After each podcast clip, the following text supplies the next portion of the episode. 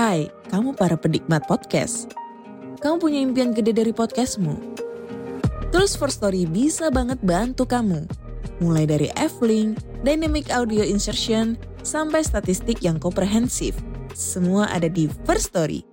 Gak ketinggalan kamu bisa monetisasi podcastmu lewat iklan dari First Story Ads yang bisa kasih kamu penghasilan dari setiap place podcastmu. Yuk gabung sekarang dengan klik di firststory.me. Sekali lagi, klik di firststory.me. Mari kita bawa mimpi podcastingmu menjadi kenyataan. Hello? Hello? Podcast Network Asia. Lisi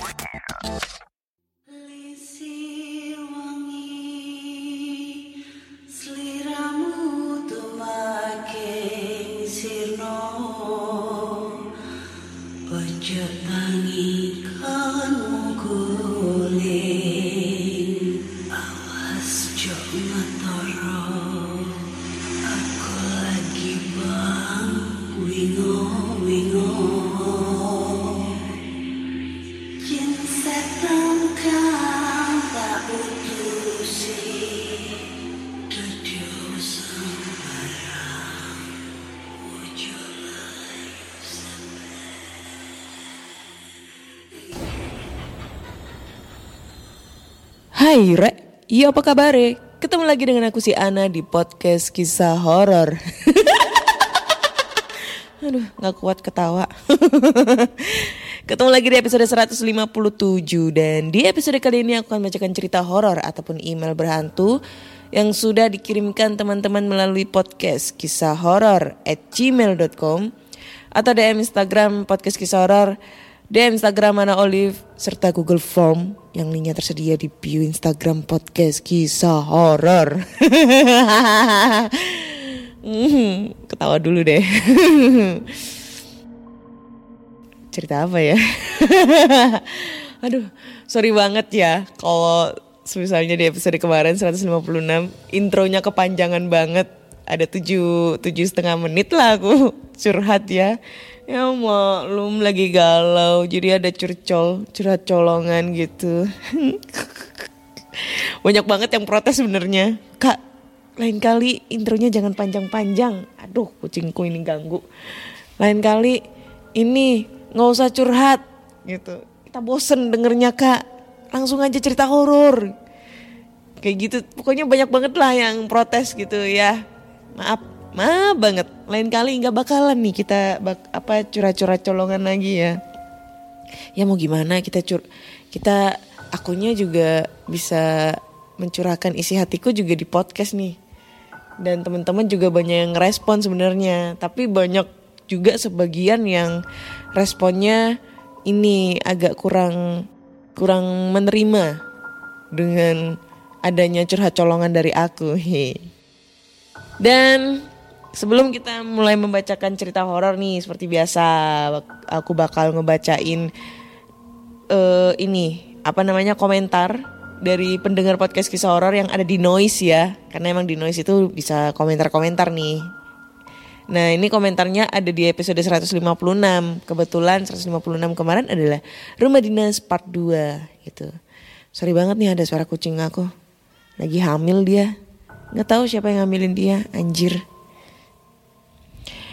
Yang pertama, curhatan kali ini di banget WKWKWK. Emang merelakan itu susah. Susah banget anjir.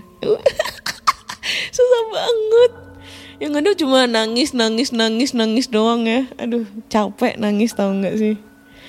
Terus yang kedua, pembuat ceritanya kebanyakan baca webtoon. WKWKWK, puyeng gue sumpah sulit dimengerti. Bintang satu, sungguh tidak ramah. Malah saya tuh gak pernah baca webtoon tahu gak sih? eh apa ya? Nggak suka baca komik gue bintang tidak ramah ini bintang satu anjir. Egi Syahrial. Ya itulah. Nam- namanya hampir sama. Egi Ega sama. Sama-sama menyebalkan ya. Terus eh, komenan ketiga nih Semangat ke Ana. Semoga segera dapat melupakan yang kemarin dan segera ketemu jodoh realnya. Amin. Ya Allah, amin. Thank you banget ya. Mana dia baru komen satu menit yang lalu lagi. Thank you banget buat semua teman-teman yang udah ngedukung aku untuk segera move on dengan yang lalu ya. Ya itulah pokoknya kata kucing aku. Oke. So, langsung aja kita bacakan cerita horor ya yang udah masuk ke email, banyak banget yang udah masuk ke email. Cerita pertama ini datang dari Kristabel itu. Kristabel namanya. Judulnya adalah Kursi. Halo Kak, selamat siang. Ngirim lagi nih. Sorry banget kemarin kurang ngerti ceritanya. Jadi cerita kali ini terkait kursi yang sebelumnya dipakai almarhum kakek. Ya udah, langsung aja ke ceritanya. Jadi kakek saya ini sebelum meninggal, dua minggu sebelumnya dibeliin kursi kain dengan penyangga besi gitulah. Nah, dua minggu setelahnya itu kakek saya meninggal. Lalu kursi itu dibawa ke rumah saya. Saya pakai itu setiap hari. Beberapa hari kemudian orang tua saya pergi. Lalu saya mau ke rumah saudara. Saya iseng-iseng dong mengucapkan, Ai pergi dulu ya. Saya kadang-kadang gitu bisa lihat hantu. Yang cerita kemarin itu pun saya pertama kali lihat hantu gitu. Nah, pada malamnya kan gak ada tuh yang nempatin kursi itu. Tiba-tiba bersuara sendiri kursinya. Yang mendengar suara itu ibu saya. Pasti kaget dong. Keesokan harinya ibuku bertanya ke ayahku. Kok ada suara semalam di kursi? Ada yang duduk kah? Kursi ini ditaruh di kamar ibuku.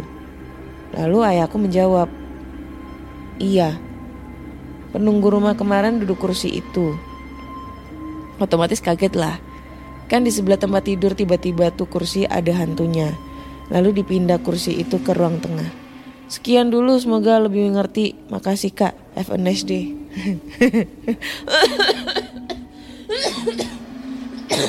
Aduh ya. Nih dia kirim foto kursinya ya. Jadi kayak kursi malas gitu modelnya. Yang dari terpal apa ya? Terpal terus besi gitu. Kalau gue sih ngomongnya kursi malas gitu. Aduh, dibilang ngerti ya belum ngerti. Tapi ya kita harus mengerti apa dari isi cerita ini ya. Singkat, padat dan tidak begitu mengerti sebenarnya. Tapi mari kita coba bedah. Oke, maksud ceritanya dia ini mungkin ya, mungkin ini eh, orang tuanya si Chris Kristi ini ngebeliin kursi buat kakeknya ya. Nah kakeknya itu suka banget tuh duduk di kursi itu. Lalu dua minggu kemudian kakeknya meninggal. Nah kursinya dibawa ke rumahnya dia. Nah setelah dibawa ke rumahnya dia, itu kursi ditaruh di kamarnya mamanya. Habis itu orang tua saya pergi. Lalu saya mau ke rumah saudara. Saya iseng-iseng dong mengucapkan. Jadi orang tuanya dia tuh pergi. Terus dia juga mau pergi ke rumah saudaranya. Nah sebelum dia pergi ke rumah saudaranya dia tuh iseng ngomong ke kursi itu. Ai pergi ya gitu. Nah gak lama kemudian kursinya bersuara. Yang ngedenger itu mamahnya. Nah yang jadi anehnya ini. Ini katanya mamanya orang tuanya pergi nih sebelumnya. Terus dia juga pergi. Habis itu dia pamitan, Ai pergi. Tiba-tiba kursinya bunyi. Mamanya kaget. Wah, mamanya ada berapa ini? Yang jadi pertanyaan. Tadi katanya orang tuanya pergi, terus tiba-tiba mamanya ngedenger. Ini yang serem mamanya anjir. Karena mamanya katanya tadinya pergi tiba-tiba udah ada di rumah. Kan serem, bukan kursinya yang serem. Tapi mamanya, kenapa tadi udah pergi bilangnya kok tiba-tiba ngedenger suara kursi? Aneh, bin, ajaib gitu ya. Aku susah mengerti ini maksudnya cerita bagaimana. Oke, next. Cerita berikutnya aja. Cerita berikutnya. Ini datang dari Dava. Assalamualaikum Kak Ana. Aku Dava. Mau kirim cerita tentang ketindian yang pernah aku kasih tahu di cerita sebelumnya. Oh ya, sebelumnya makasih ya kak udah dibacain ceritaku yang suara tawa di rumah kosong. Aku speechless waktu dengar ceritaku dibacain ke Ana. Hehehe. Habis aja lu. Kali ini aku mau cerita tentang pengalamanku tentang ketindihan. Kamu lagi mau mengembangkan podcast kamu, tapi bingung caranya bagaimana.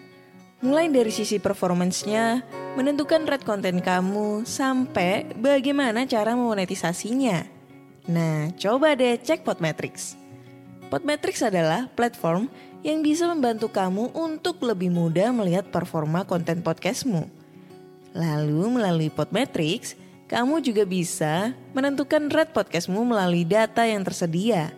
Serta bisa juga memonetisasi kontenmu dengan champion-champion dari brand yang cocok dengan podcastmu.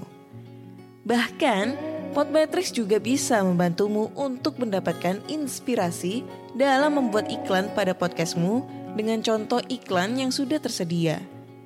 Nggak ketinggalan juga, sekarang Podmetrics juga ada fitur Pod Earnings dengan berbagai metode pembayaran. Sehingga memudahkan kamu untuk mendapatkan penghasilan dari Podmetrics. Jadi, kalau kamu seorang podcaster, pastikan kamu mendaftar Podmetrics dengan memakai Podmetrics referralku. Klik langsung aja podlink yang ada di deskripsi box dalam episode ini. Kejadian ini aku alami waktu SMA juga. Sama seperti ceritaku yang sebelumnya, dan waktu itu aku masih tinggal di rumah lamaku itu. Jadi waktu itu aku lagi menjalani program PKL atau magang dari sekolahku di sebuah perusahaan. Pada suatu hari saat saya mau pulang dari tempat magang saya, saya agak sedikit sakit dan pulang agak sore. Biasanya aku pulang jam 4 sore. Tapi hari itu aku pulang hampir mau maghrib. Pas sampai rumah itu kira-kira selepas maghrib. Dan badanku agak gak enak waktu sampai rumah. Singkatnya, aku tidur jam setengah 11 malam. Karena udah ngantuk berat, ditambah lagi tadi banyak kerjaan, aku tidur di kamarku sendirian. Aku tidur menghadap ke arah atap kamarku dan tangan kiriku ada di ujung kasur. Nah, di sinilah aku ngalamin ketindian yang gak bakal saya lupa. Waktu itu aku pengen bangun, cuma gak bisa. Aku cuma bisa buka mata doang, tapi badanku gak bergerak sama sekali. Tapi aku ngerasa ada yang aneh. Di tangan kiriku aku ngerasa kayak ada yang nimpa tangan kiriku. Aku berusaha buat nengok ke arah kiri. Dan bener aja, di sebelah kiriku ada sosok nenek-nenek lagi ngebelakangin aku sambil nyisir rambutnya. Ciri-cirinya itu dia rambutnya putih panjang. Tangannya itu pucat dan dia megang sisir kayu gitu. Aku di situ nggak bisa gerak dan nggak bisa ngomong. Seakan mulutku itu kekunci gitu. Dan yang paling seremnya itu dia mulai nyinden lagu Lingsir Wengi. Dan suaranya itu persis di kuping aku. Udah kayak pakai headset gitu. Tapi aku berusaha buat ngelawan. Akhirnya tangan kiriku bisa gerak. Terus aku bisa ngecengkram si kuntilanak itu. Widih. Entah apa yang aku pegang, kaki atau paha aku nggak tahu. Yang jelas aku bisa cengkram dia. Tapi anehnya setelah aku cengkram dia, suara lingsir wanginya malah tambah kenceng gitu.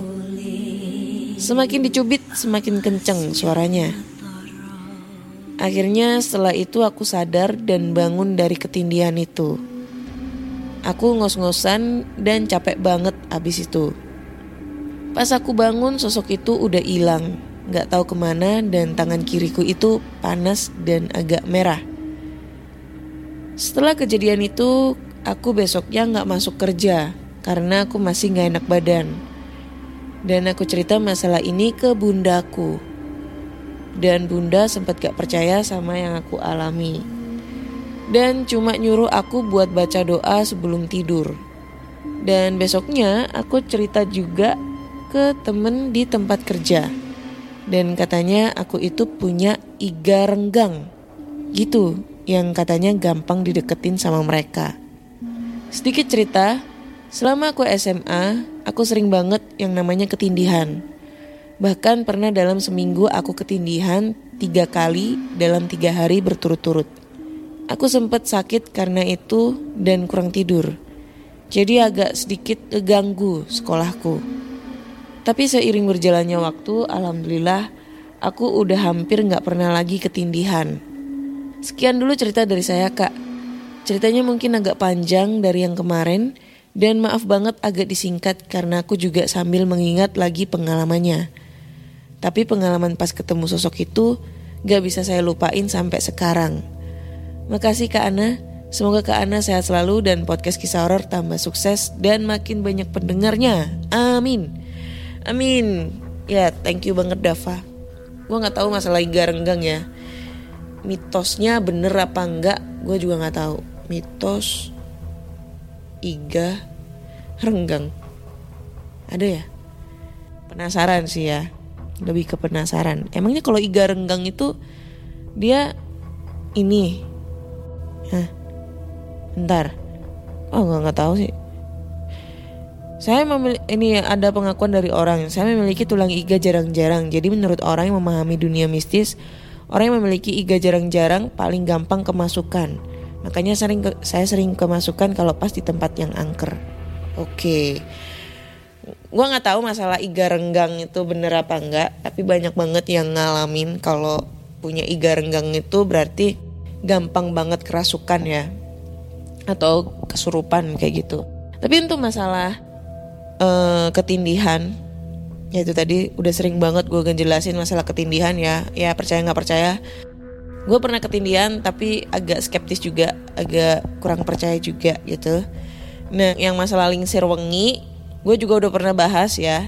Sebenarnya lingsir wengi itu bukan lagu buat ini lagu buat apa namanya ngundang setan atau ngundang kuntilanak ini sebenarnya disalahartikan. Sebenarnya lagu Lingsir Wangi itu gue jelasin lagi ya lagu Lingsir Wangi itu yang nyiptain itu Sunan Kalijaga ya Sunan Kalijaga yang memiliki makna perlindungan kepada sang pencipta.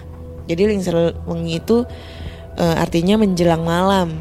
Ibaratnya itu gue buat berdoa gitu loh supaya e, meminta perlindungan kepada Tuhan gitu.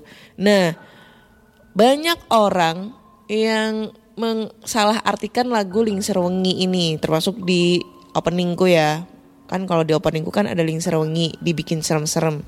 Sebenarnya metode apa metode teori lagu Lingser Wengi itu muncul gara-gara ada ada dulu film namanya Kuntilanak. Kebetulan filmnya judulnya Kuntilanak. Yang main itu Julie Estelle sama Evan Sanders. Gue lupa tahun berapa sekitar tahun 2000-an 2007 apa berapa ya? Bentar gue lihat dulu ya. Itu lumayan serem sih lagu uh, filmnya kuntilanak pertama. 2006 ya yang main Julie Estelle sama itu siapa? Evan Sanders sama Ratu Felisa. Itu gue ingat banget karena gue pernah nonton gue nonton di bioskop. Nah di film tersebut si Julie Estelle itu kesurupan. Kalau setiap dia nyanyiin lagu Lingser Wengi itu si kuntilanaknya itu muncul di kaca gitu. Di cermin lah kat, bisa dibilang cermin cermin kutukan gitu. Nah dari situ teori-teori lagu Lingser Wengi yang katanya serem itu muncul deh. Yang katanya bisa manggil kuntilanak gitu.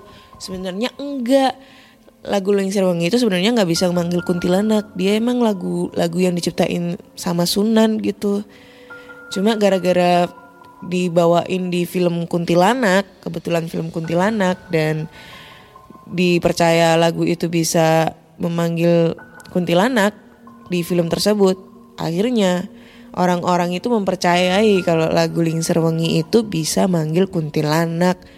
Begitu ceritanya guys. Ya, jadi kalian jangan takut sama lagu itu. Dah. Next. Nih kayaknya cerita terakhir ya.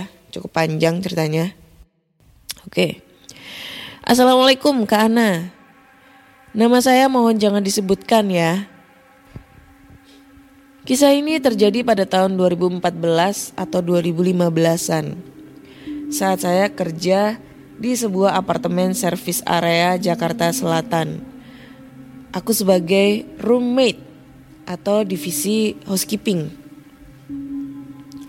Sistem kerja di sana itu setiap section itu terdiri dari dua orang room attendant. Di hari itu saya dapat partner cewek juga.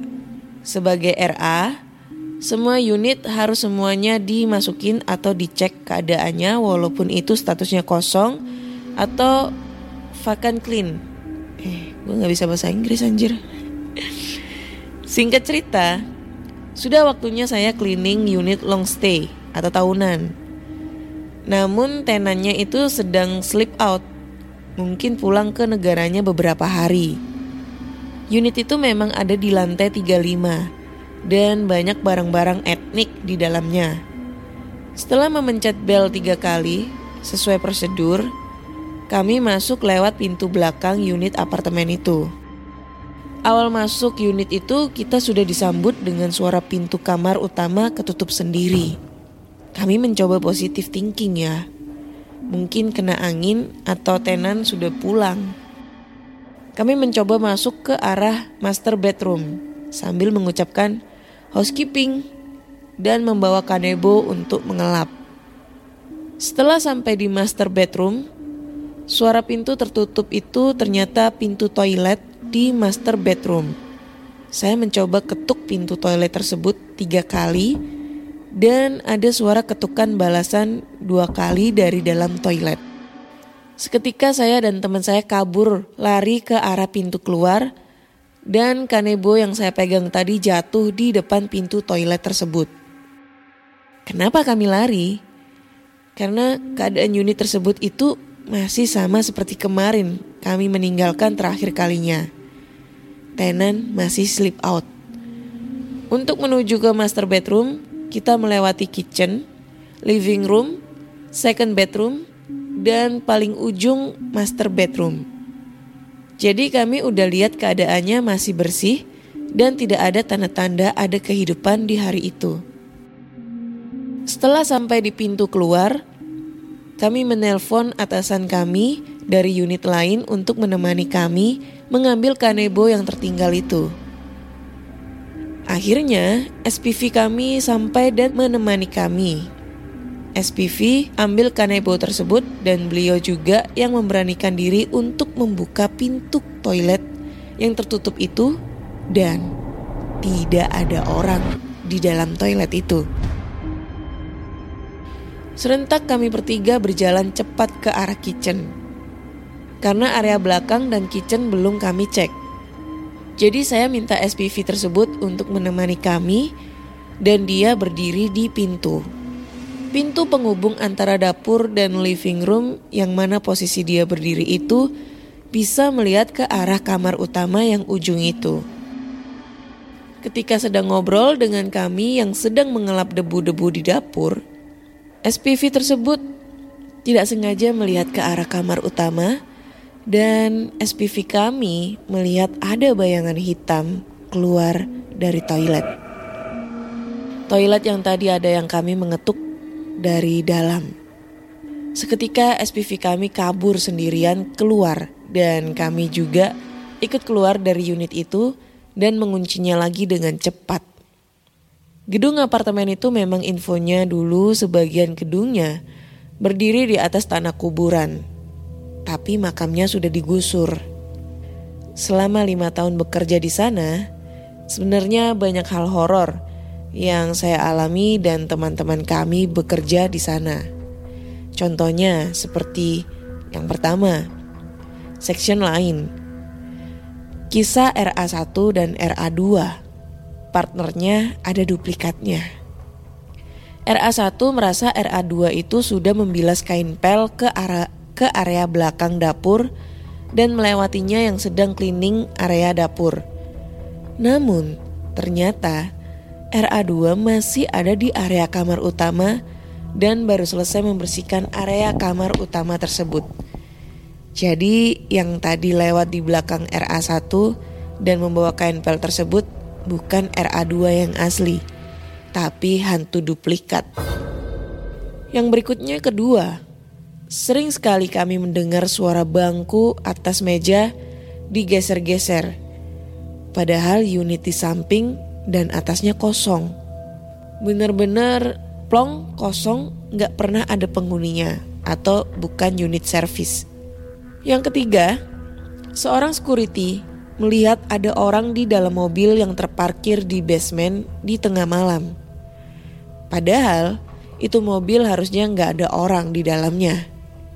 Yang keempat, divisi gudang yang letaknya di basement 3, keluar dari gudang ada kurung batang lewat di depan dia. Kurung batang itu apaan? Seketika dia lari mencari pintu keluar. Posisinya masih jam 7 malam.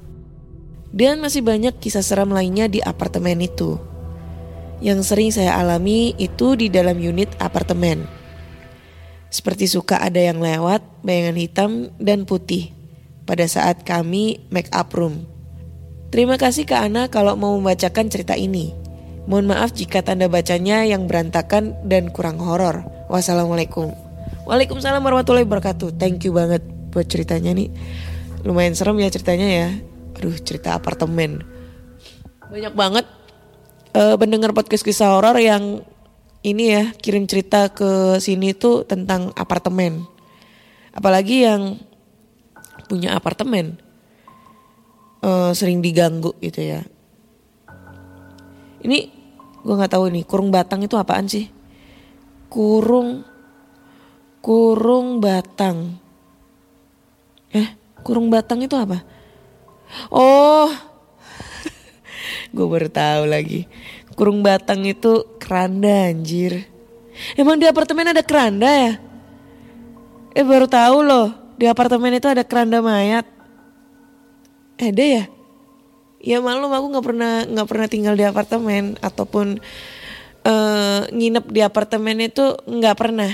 Tapi kalau main ke apartemen sekali doang gitu, sekali dua kali. Cuma kalau sampai nginep atau maksudnya nginep berhari-hari atau kayak gimana itu gue nggak pernah.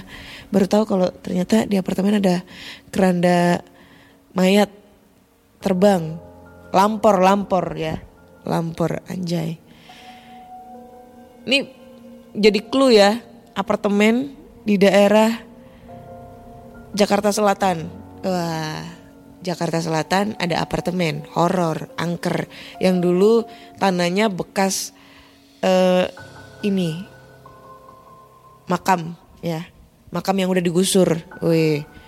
Ini kayak ceritanya yang tahu uh, episode kemarin ya rumah dinas. Ternyata plot twistnya rumah dinas itu di tanah tersebut yang dibangun perumahan adalah bekas makam masal pada saat zaman pen gitu. Nah itu sama kayak ceritanya si apartemen ini. Waduh Waduh, gue lupa nih. Gue ternyata punya utang ya sama kalian semua ya. Aduh. Uh, dulu pas sebelum tahun baru kayaknya uh, aku pernah ngomong nih ke kalian semua sama di feed Instagram aku kalau bakal nginep di salah satu hotel angker di kota Malang yaitu Hotel Niagara itu ya. Uh, nggak tahu ya kapan ya enaknya ya minggu depan atau dua minggu lagi lah pokoknya insya Allah bulan inilah kalau nggak awal bulan Maret uh, kita bakal live di sana, nginep di sana ya, live di IG. Habis live di IG kita bakal uh, cerita-cerita horor, record di sana. Wih, nunggu ini dulu stabil, kan masih sakit nih posisinya sama kondisi lagi apa? Menunggu kondisi uh, situasi saat ini tuh agak renggang karena bentar lagi mau PPKM nih, anjir. Tanggal berapa? Tanggal 9. Eh, sekarang tanggal 10. Ya, sekarang deh. PPKM ya. PPKM level berapa gua nggak tahu. Udah level ke sekian kali. Wah. Tungguin aja dah. Nanti pasti aku umumin kapan aku ke sana. Terus kita nginep di sana. Kita, gue maksudnya nginep di sana dan ngebacain cerita horor di situ. Oke. Ini lanjut kayaknya cerita terakhir Oke, kita tambah satu cerita lagi dan cerita terakhir ini judulnya Rumah Makan Penglaris ya. Assalamualaikum warahmatullahi wabarakatuh. Waalaikumsalam. Tolong jangan sebutin nama saya ya kak. Jadi kali ini aku ngebahas tentang rumah makan berpenglaris kak. Tapi bukan semua rumah makan itu ada penglarisnya ya. Jadi aku tidak akan menyebutkan ciri-cirinya seperti apa. Tapi aku bakal mengajak Kak Ana dan teman-teman semua buat ngebacain kisahku sebentar aja. Jadi aku inget banget waktu itu kak. Kejadiannya itu waktu itu aku sedang bersama teman-temanku di kota Karawang. Kami menyusuri alun-alun kota dengan berjalan kaki dan pergi mencari makanan. Diingat-ingat waktu itu sih kami pergi mencari makan karena menunggu jadwal film yang lama sekali tayangnya. Kira-kira jam 2 siang baru ditayangkan. Sementara kami tiba di sana pukul 12 siang. Karena beberapa temanku merasa lapar, akhirnya kami semua memutuskan untuk makan. Singkat cerita, kami sedang berada di trotoar jalan sambil melihat-lihat rumah makan yang enak. Yap, salah satu rumah makan menarik perhatian aku dan teman-temanku. Kami semua pergi ke sana. Belum masuk saja, aku sudah merasakan ada sesuatu yang bertolak belakang dengan diriku. Tidak lama aku duduk di dalam rumah makan itu, aku melihat aura ruangan yang sangat berbeda. Begitu sesak buatku. Untuk memastikannya, aku bertanya pada temanku. Fik, ada lukisan sesuatu nggak? Semacam lukisan harimau. Dan temanku menjawab, iya, benar saja dugaanku. Rumah makan ini menggunakan penglaris. Aku mengetahuinya karena emang auranya bertolak belakang denganku. Ditambah ada sesuatu yang temanku sendiri mengiyakannya. Kalian sebelum makan mendingan semuanya berdoa bersama-sama, kataku untuk memperingatkan mereka. Setelah selesai makan, aku memberitahu salah satu temanku bahwa rumah makan itu berpenglaris. Dan aku memastikan bahwa kita semua tidak apa-apa. Oh iya teman-teman, di mana pun tempatnya, Kalian jangan lupa untuk selalu berdoa kepada Tuhan agar saat kalian makan itu terlindungi dari hal-hal negatif. Tahu nggak teman-teman? Kalau penglaris gitu suka minta tumbal dan tumbalnya sendiri itu adalah pembelinya. Bayangkan kalau kalian dijadikan target buat tumbalnya. Ada teman indigoku juga memberitahu bahwa kita harus selalu berdoa di mana pun tempat makannya sekalipun itu restoran. Kita tidak tahu apakah pedagang itu jujur atau mencurang. Ya pesan aku sih itu aja kak. Jangan lupa berdoa dan serahkan semuanya kepada Tuhan. Terima kasih Kak Ana udah dibacakan cerita aku. Mohon maaf jika ceritanya kepanjangan. Wassalamualaikum warahmatullahi wabarakatuh. Oke, ceritanya singkat juga ya ini ya. Kenapa ini empat cerita ceritanya lumayan singkat-singkat, jelas dan padat. Tapi ini ceritanya agak sedikit uh, ini ya, ada sisi mengingatkannya ya. Mau dia ada penglarisnya, mau nggak ada penglaris, penglarisnya, ya mau di mana pun itu kita berada ya tetap berdoa, mau makan ya, jangan sampai mau uh, sebelum makan kita langsung makan gitu aja, kesedak, jadinya mati ya kan. Berdoa dulu cuy, biar semua rahmat dari makanan itu masuk ke dalam tubuh kita menjadi suatu rejeki, menjadi suatu uh, apa ya? Ya pokoknya gitulah, nggak tahu. pokoknya gitu. Tapi kayaknya dulu aku pernah cerita deh. sama teman-teman tentang masalah penglaris. Kalau nggak salah an- anaknya temen aku apa ponakannya temen aku aku lupa. Yang dia pas diajak makan di salah satu restoran bukan restoran sih ya ya rumah makan biasa gitu cuma emang rumah makannya dulu itu dari dari eh, tempat makannya kecil apa maksudnya warungnya kecil tiba-tiba dia udah gede tempat makannya itu wa- eh, rumah makannya udah gede banget mewah dan itu dia udah punya cabang di mana aja di Makassar itu aku udah pernah makan itu di Makassar itu rumah makannya maksudnya di sana ada gitu loh eh, franchise-nya, cabangnya. Di Kediri juga ada, di mana lagi ya? Di Malang kayaknya juga ada deh. Cuma yang gue pernah makan itu yang di Makassar. Tapi beda rasanya antara yang di Surabaya sama Makassar, enakan di Surabaya. Dan kemarin sempat masuk berita kalau restonya kebakaran di bagian area eh, dekat rombongnya.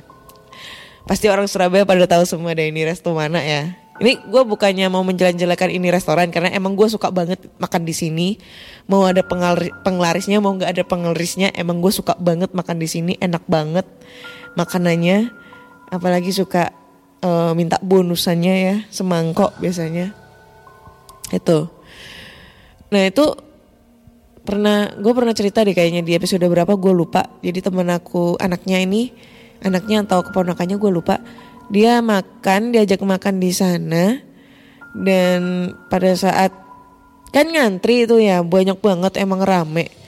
Nah pas ngantri pas eh, duduk-duduk kebetulan duduknya itu emang deket sama tempat penyajiannya di rombongnya gitu ya gerobaknya di dalamnya itu ada gerobak gitu dia ngeliat di atas di samping gerobaknya atau di di atas gerobaknya ya. Eh kok di samping gerobaknya? Di atas gerobaknya di samping pancinya. Itu ngelihat sosok pocong yang sedang apa ya? Eh pocong apa genderuwo? Gue lupa ceritanya. Pokoknya itu sosoknya itu lagi ngiler apa ya? Mengeluarkan air liur gitu. Masuk ke dalam eh, pancinya tersebut. Panci panci makanannya itu. Gue nggak mau ma- nggak mau nyebutin itu makanan apa. Orang Surabaya pasti tahu. Nah itu. Itu eh, ngeluarin air liur di situ. Dan dia tuh nangis terus-terusan karena pada saat dia ngeliat emang kalau anak kecil usia 3 4 tahun itu kan masih masih bersih ya, masih bisa ngeliat-ngeliat hal-hal kayak gitu yang tanpa disengaja gitu. Jadi pas dia nangis ngeliat teriak-teriak itu posisinya si sosoknya itu katanya ngeliatin dia dengan posisi dia jongkok terus air liurnya itu netes di pancinya itu. Puh, matanya merah, tajam, ada taringnya kayak gitu. Itu yang pertama. Terus yang kedua itu ada temen-temen temen aku eh, kebetulan dia tuh katanya bisa ngelihat. Ini gue belum pernah cerita. Jadi ini gue pernah makan. Kalau aduh pasti orang Surabaya tahu lagi lah. Ini lokasinya di daerah Wonokromo. Dan gue nggak mau menjelek-jelekan ya. Tapi mungkin banyak yang tahu ceritanya atau mungkin ada yang tahu dengan sendirinya.